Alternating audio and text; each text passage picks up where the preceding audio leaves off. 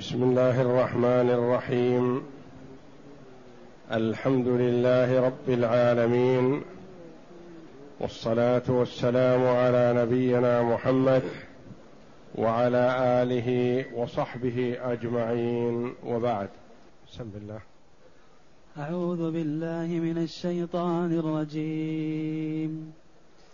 ولولا أن يكون الناس أمة واحدة لجعلنا لمن يكفر بالرحمن لجعلنا لمن يكفر بالرحمن لبيوتهم سقفا من فضة ومعارج عليها يظهرون ولبيوتهم أبوابا وسررا عليها يتكئون.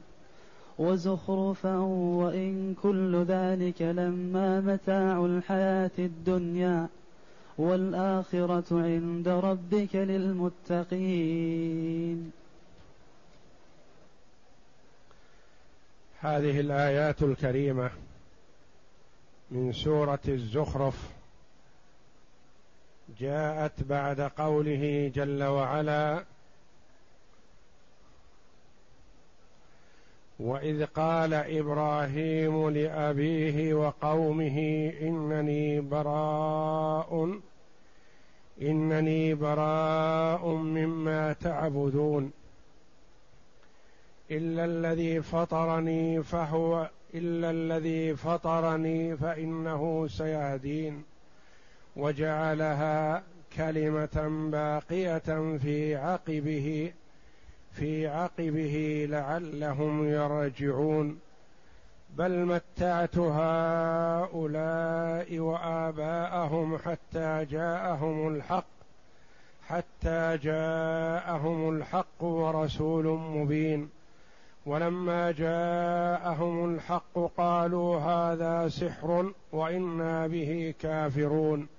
وقالوا وقالوا لولا نزل هذا القرآن على رجل من القريتين عظيم أهم يقسمون رحمة ربك نحن قسمنا بينهم معيشتهم في الحياة الدنيا ورفعنا بعضهم فوق بعض درجات ليتخذ بعضهم بعضا سخريا. ورحمة ربك خير مما يجمعون. ولولا أن يكون الناس أمة واحدة لجعلنا لمن يكفر بالرحمن لبيوتهم سقفا من فضة ومعارج عليها يظهرون. الآيات لما قال كفار قريش لولا نزل هذا القرآن على رجل من القريتين عظيم. اعتراض على اختيار الله جل وعلا لمحمد صلى الله عليه وسلم. قالوا لولا نزل هذا القرآن على رجل صاحب مال. وصاحب ولاية وصاحب جاه. محمد يتيم نشأ في حجر عمه. كما قال الله جل وعلا امتنانا عليه ألم يجدك يتيما فآوى ووجدك ضالا فهدى ووجدك عائلا فأغنى. وذلك أن الكفار قيمة الشخص عندهم بحسب ماله. الذي لا مال له لا قيمة له عندهم. والقيمة عند الله جل وعلا للرجل بالتقوى. إن أكرمكم عند الله أتقاكم. لولا نزل هذا القرآن على رجل من القريتين عظيم. قال الله جل وعلا أهم يقسمون رحمة ربك؟ نحن قسمنا بينهم معيشتهم في الحياة الدنيا ورفعنا بعضهم فوق بعض درجات ليتخذ بعضهم بعضا ليتخذ بعضهم بعضا سخريا. فالله جل وعلا فضل بين العباد في الحياة هذه بالمال. وجعل منهم الغني وليس دليلا على المحبة ولا الكراهية. وجعل منهم الفقير وليس دليلا على المحبة والكراهية ولكن لحكمة. رآها جل وعلا واختارها ليتخذ بعضهم بعضا سخريا ورحمة ربك الجنة. خير من الدنيا وما فيها. ثم قال جل وعلا ردا عليهم أن الدنيا لا قيمة لها عند الله. أن الله جل وعلا يعطي الدنيا من يحب ومن لا يحب. ولو كانت الدنيا تزن عند الله جناح بعوضة ما سقى كافرا منها شربة ماء. فهذا المعيار الذي اعتبره كفار قريش لا قيمة له عند الله. هم اعتبروا المال هو الذي يستحق صاحبه الوظائف العظمى. فالله جل وعلا يقول ولولا أن يكون الناس أمة واحدة على الكفر لأن الناس يميلون إلى المال لو قيل مثلا الكافر سيغتني والمسلم سيفتقر مثلا. مال كثير من الناس الذين يفضلون الحياة الدنيا على الآخرة إلى الكفر لأجل الغنى. لولا هذا لأعطى الله جل وعلا الكافر من الدنيا ما يشاء لكن لئلا يفتتن الناس بذلك جعل في الكفار غنيا وفقيرا كما جعل في المسلمين كذلك. ولولا أن يكون الناس أمة واحدة على الكفر لجعلنا لمن يكفر بالرحمن لبيوتهم سقفا من فضة. لجعلنا سقف بيوتهم من فضة. وجعلنا لهم درج من فضة. وجعلنا لهم ابوابا من فضة. وجعلنا لهم مثل ذلك من الذهب. نوعنا.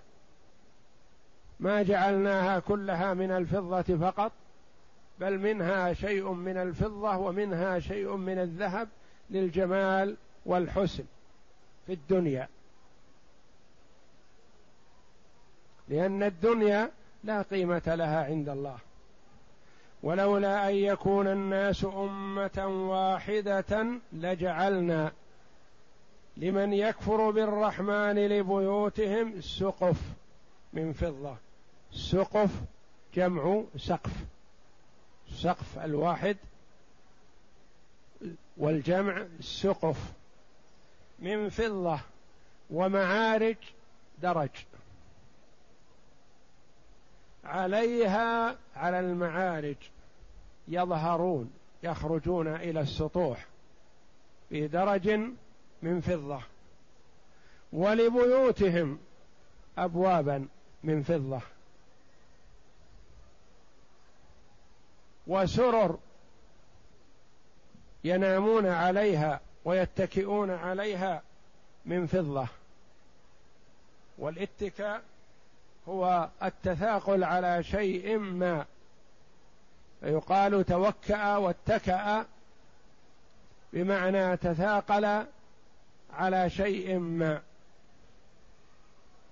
هي عصاي أتوكأ عليها وأهش بها على غنمي. وزخرفا. الزخرف الذهب. وقيل هو كل ما يستحسن من الزينة.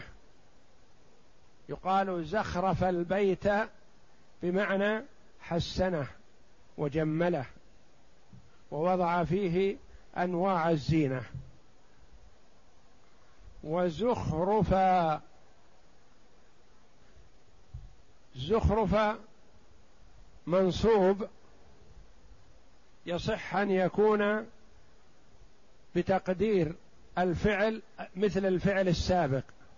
وجعلنا لهم مع ذلك زخرفا. ويصح أن يكون منصوبا بنزع الخافض. يعني الأصل فيه حرف الجر.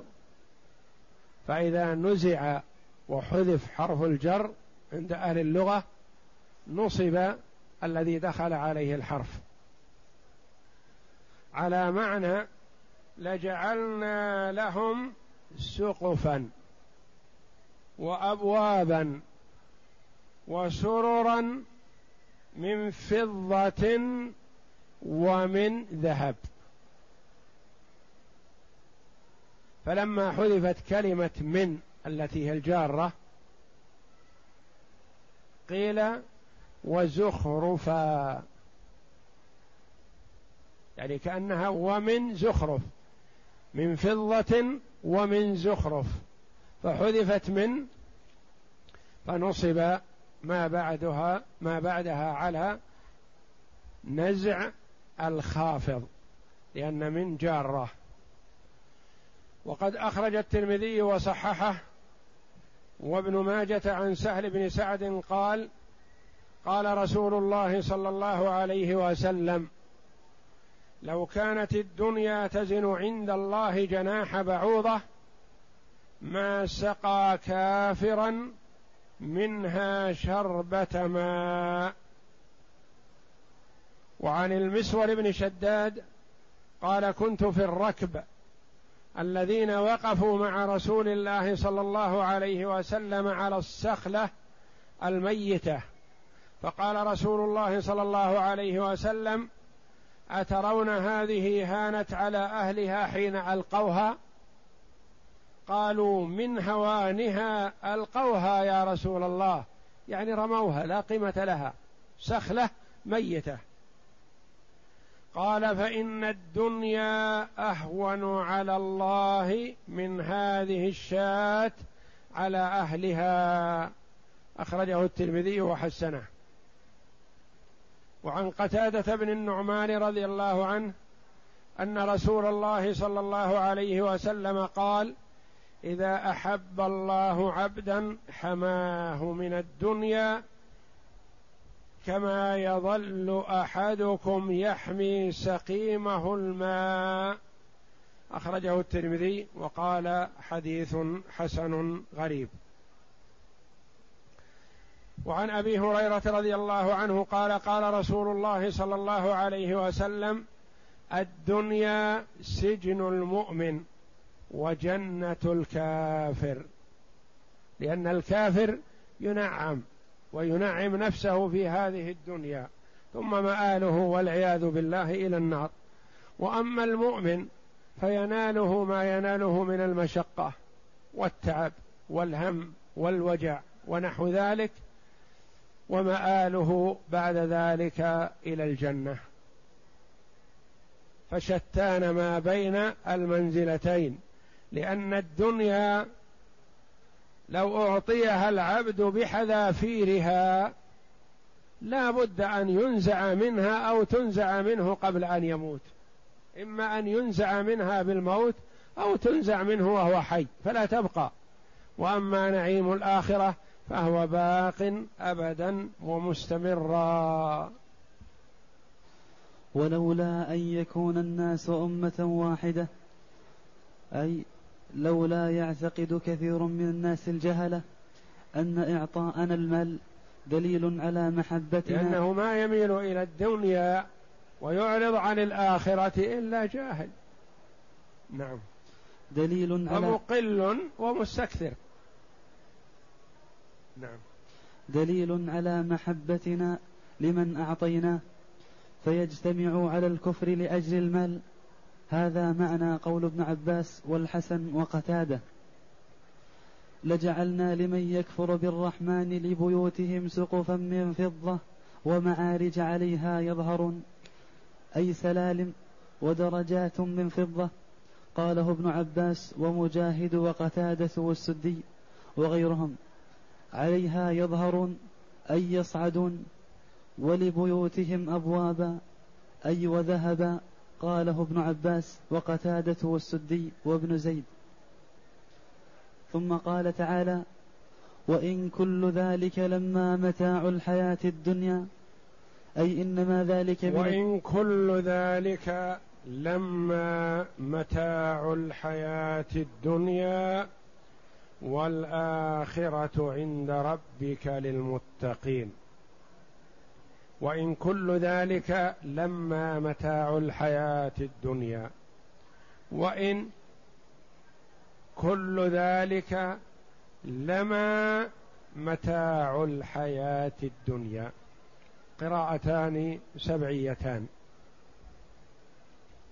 فعلى القراءة الأولى التشديد تكون إن هذه النافية. ما كل ذلك وتكون لما بمعنى إلا. ما كل ذلك إلا متاع الحياة الدنيا. يعني كل هذا العطاء متعة وتمتع في الحياة الدنيا فقط ولا يبقى ولا يستمر. والقراءة الثانية وإن كل ذلك لما متاع الحياة الدنيا إن هذه المخففة من الثقيلة. المؤكدة المخففة من الثقيلة. لما متاع الحياة وإن المخففة هذه من الثقيلة لا عمل لها لأنه دخل دخلت اللام على خبرها فلا عمل لها لأنها لا تدخل اللام إلا إذا بطل العمل لأجل أن تفرق بين المخففة من الثقيلة والنافية. وإن كل ذلك لما متاع الحياة الدنيا. إن كل ذلك لمتاع الحياة الدنيا.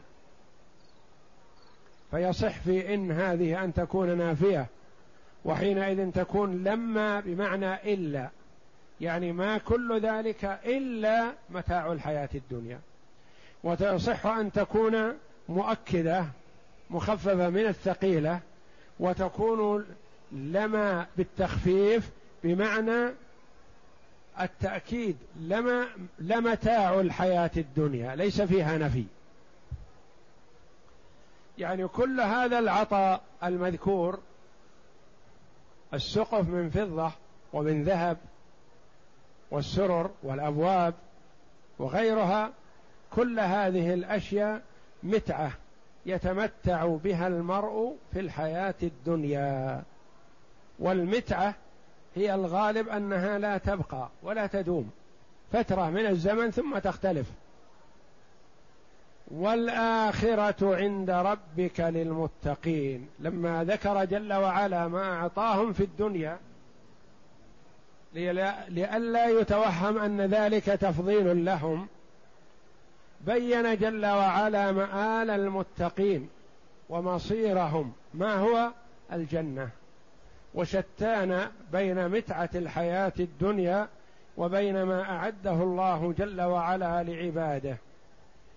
والآخرة أي الجنة التي أعد الله فيها ما لا عين رأت ولا أذن سمعت ولا خطر على قلب بشر. أعد الله جل وعلا ذلك لعباده المؤمنين. عند ربك للمتقين. والآخرة عند الله بجوار الله جل وعلا لمن اتقى الله. لمن اتقى الله ابتعد عن الشرك. واجتنب الكبائر. اجتنب الذنوب. وإن وقع في ذنب من الذنوب بادر بالتوبة الصادقة النصوح إلى الله جل وعلا. والمراد هنا والله أعلم للمتقين الذين اتقوا الشرك والكفر لأن الله جل وعلا ذكر ما أعده للكفار وما ينبغي وما يمكن أن يعطيه الكفار في الدنيا. فبين جل وعلا عقب ذلك ما أعده لمن خالفهم وهم المؤمنون المتقون. فالمراد هنا والله أعلم اتقوا الكفر لئلا يخرج عصاة المسلمين من هذا الوعد الكريم. فعصاة المسلمين لهم حق ونصيب في الوعد الكريم بأن لهم الجنة لأنهم لا يخلدون في النار. فمن أصول أهل السنة والجماعة أن من تاب من ذنبه في الدنيا توبة صادقة تاب الله عليه. ومن لم يتب من ذنبه في الدنيا فلا يخلو هذا الذنب. إن كان من الذنوب الصغائر فالله جل وعلا يغفره بالأعمال الصالحة بالصلاة والصيام والزكاة والحج وبر الوالدين والخطى إلى المساجد وأنواع القرب. وإن كان من الذنوب الكبائر ومات ولم يتب منه قالوا أمره إلى الله جل وعلا. إن شاء غفر له سبحانه وأدخله الجنة من أول وهلة بفضل توحيده. والله جل وعلا أهل العفو والمغفرة. وإن شاء جل وعلا أدخله النار وعاقبه على صنيعه في الدنيا وطهره من معاصيه ثم أخرجه من النار إلى الجنة. فالمسلم الموحد لا يخلد في النار خلافا للطوائف الضالة التي قالت إن صاحب الكبيرة خالد مخلد في النار والعياذ بالله كالخوارج ونحوهم. ومنهم من قال إذا اقترف الكبيرة في الدنيا خرج من الإسلام. وهل كفر؟ قالوا لا. ما كفر. بالمنزلة بين المنزلتين. لا إسلام ولا كفر. نقول لا نعرف هذا. ثم بعد ذلك إذا مات قالوا هو خالد مخلد في النار. ومنهم من قال إذا وقع في الكبيرة خرج من الإسلام ودخل في الكفر وصار كافرا. وقد كفر طوائف من الفرق الضالة كفرت الصحابة رضي الله عنهم حيث اتهموهم بالوقوع بشيء من الكبائر فكفروهم. والنبي صلى الله عليه وسلم شهد لبعضهم بالجنة. فمن أصول أهل السنة والجماعة أن الموحد لا يخلد في النار. وأنه إن تاب من ذنبه في الدنيا تاب الله عليه. وإن لم يتب من ذنبه في الدنيا فلا يخلو. إن كان كبيره فأمره إلى الله جل وعلا. إن شاء غفره له وإن شاء عذبه به ثم أدخله الجنة. وإن كان صغيره من الصغائر فالله جل وعلا يكفره بالأعمال الصالحة. نعم.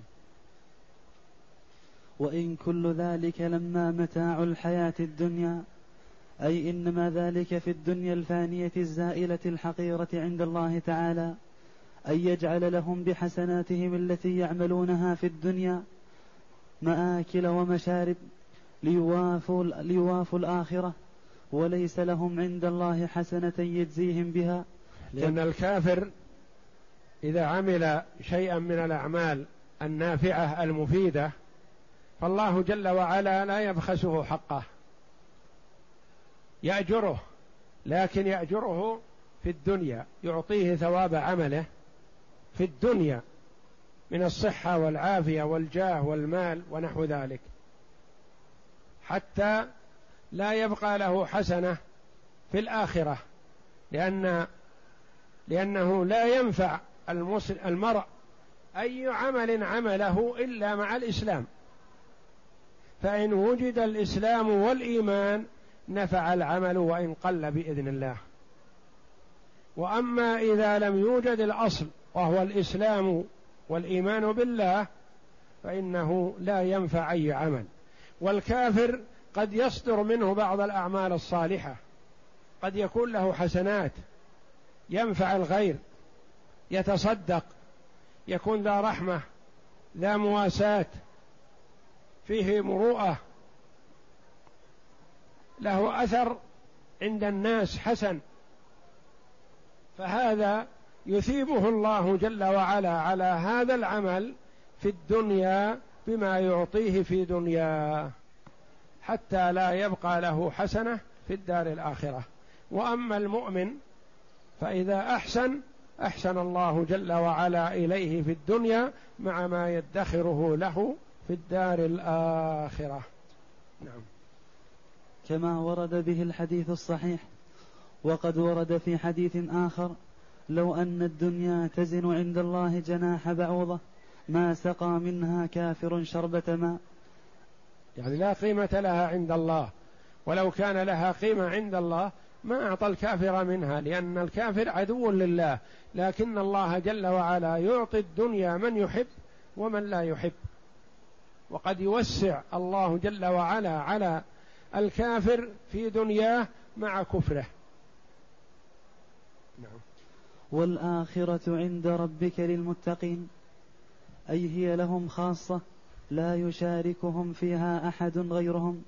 ولهذا لما قال عمر بن الخطاب لرسول الله صلى الله عليه وسلم حين صعد إليه في تلك المشربة مشربة. المشربة لما آلى عمر بن الخطاب رضي الله عنه جاء إلى النبي صلى الله عليه وسلم وقد نام على حصير. فأثر الحصير على جنب النبي صلى الله عليه وسلم. فرآه عمر رضي الله عنه فبكى فقال يا رسول الله أنت أحب الخلق إلى الله وأكرم الخلق على الله وأنت فيما أنت فيه وكسرى وقيصر بما هم فيه من النعيم. فجلس النبي صلى الله عليه وسلم ليشعر عمر رضي الله عنه باهتمام بالاهتمام بالجواب بما سيأتيه. فقال أفي شك أنت؟ أما ترضى أن تكون لهم الدنيا ولنا الآخرة؟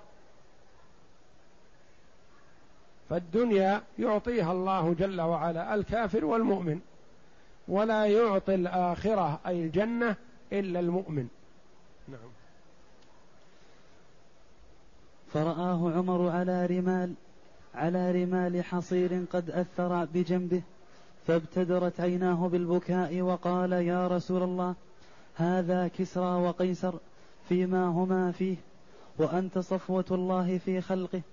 وكان رسول الله صلى الله عليه وسلم متكئا فجلس وقال أو في شك أنت يا ابن الخطاب؟ ثم قال أولئك قوم عجلت لهم طيباتهم في حياتهم الدنيا. وفي رواية يعني أعطاهم الله جل وعلا ما يستحقونه أو ما هم أهل له من الطيبات في الدنيا لأنهم كفار فلا حظ لهم في الآخرة. نعم. أما ترضى أن تكون لهم الدنيا ولنا الآخرة؟ وفي نعم. وفي الصحيحين أيضا أن رسول الله صلى الله عليه وسلم قال لا تشربوا في آنية الذهب والفضة ولا تأكلوا في صحافها فإنها لهم في الدنيا ولنا في الآخرة وإنما خولهم الله تعالى في الدنيا لحقارتها كما روى الترمذي وابن ماجه من طريق الأحاديث الصحيحة في تحريم استعمال أواني الذهب والفضة عموما للرجال والنساء وأباح الله للنساء التحلي بالذهب والفضة. وأباح الله للرجال التختم بالذهب والتختم بالفضة واستعمال الذهب فيما هو ضرورة كسن أو أنف ونحو ذلك مما يحتاج إليه المرء ولا يصلح فيه الفضة. فقد اتخذ عرفجة أنفا من ذهب لأنه قطع أنفه فاتخذ أنفا من ورق يعني من فضة. فأنتن يعني صار له رائحة كريهة. الرائحة الكريهة. فالضرورة كالسن والأنف ونحو ذلك تتخذ من الفض من الذهب. ويتخذ الخاتم بدون إسراف من الفضة. وأما للاستعمال فلا يجوز استعمال أواني الذهب والفضة لا للرجال ولا للنساء. ولحاجة النساء إلى التحلي أباح الله لهن التحلي والتجمل والتزين بالذهب والفضة. والله أعلم. وصلى الله وسلم وبارك على عبده ورسول نبينا محمد وعلى آله وصحبه أجمعين.